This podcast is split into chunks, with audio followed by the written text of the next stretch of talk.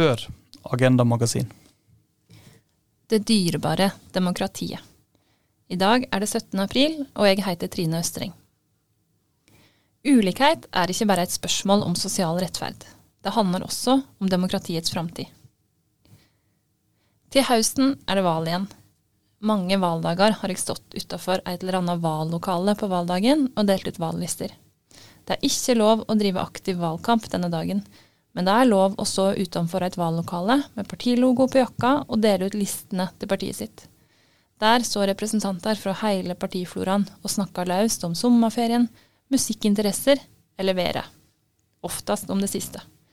En deler kanskje på ei eske pastiller, eller noen har med kaffe. Det er noe bra med at tøffe og intense valgkamper blir avslutta med dette litt usannsynlige fellesskapet.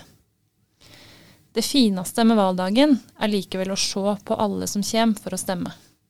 Ofte er det sånn at de med mest penger også blir lytta mest til i politikken. Men denne dagen teller alle stemmer i et valgdistrikt like mye. Stemma til en 18-åring fra Furuset teller like mye som stemma til en 60-åring fra Frogner. Stemmesedlene avgjør mye. Stemmesedler flytter makt. Men det er ikke gitt at det alltid vil være sånn. Ukraina-krigen har vist oss hvor fort en samfunnsorden kan snu.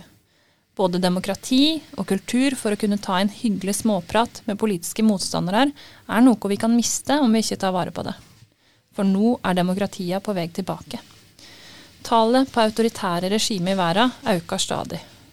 For en stund tilbake kom organisasjonen Civicus med en rapport som dokumenterte at handlingsrommet for sivilsamfunnet i verden ble stadig mindre i 2022.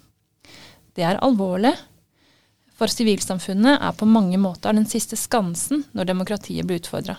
For autoritære ledere er det ofte enklere å svekke demokratiske institusjoner enn å få sivilsamfunnet til å tie stille.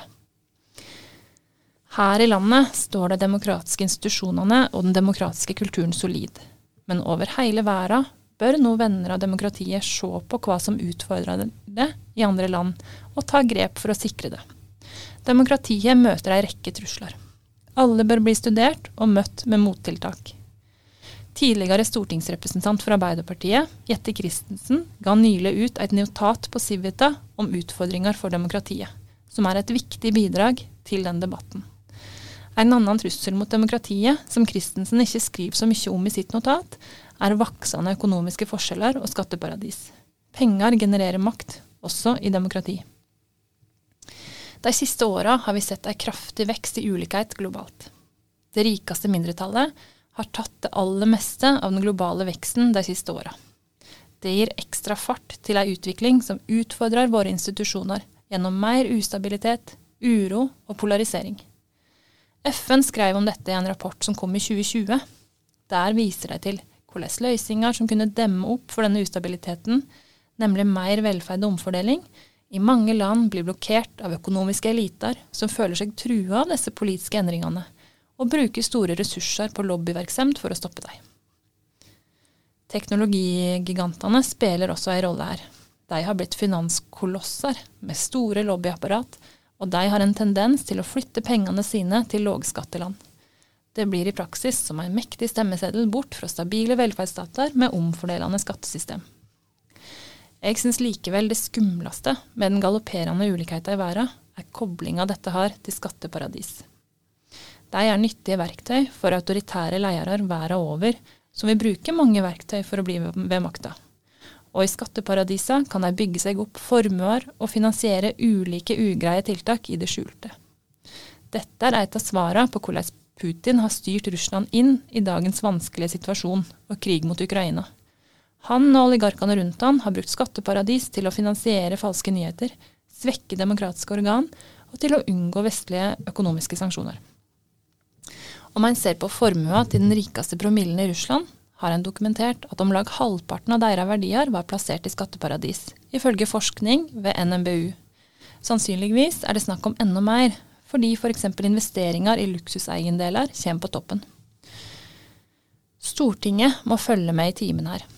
De kan f.eks. starte med å se på boka Skjult, som ble gitt ut av den vesle, men dyktige organisasjonen Tax Justice Norge om dette tidligere i år. Eller de kan følge med på forskninga som kommer fra det nye forskningssenteret Skatteforsk ved NMBU, som skal se på nettopp skatt og pengestrømmer på tvers av land, og hvordan dette påvirker samfunnet. Det er langt fra småpraten utenfor et valglokale på Tveita til Putins oligarkregime, heldigvis. Men vi lever i ei tid som krever at vi følger med og tilpasser politikken til nye tider for å bevare viktige institusjoner. Noe av det som gir grunnlag for økt polarisering og svakere demokratisk kultur, er nettopp ulikhet. Ting skjer fort nå.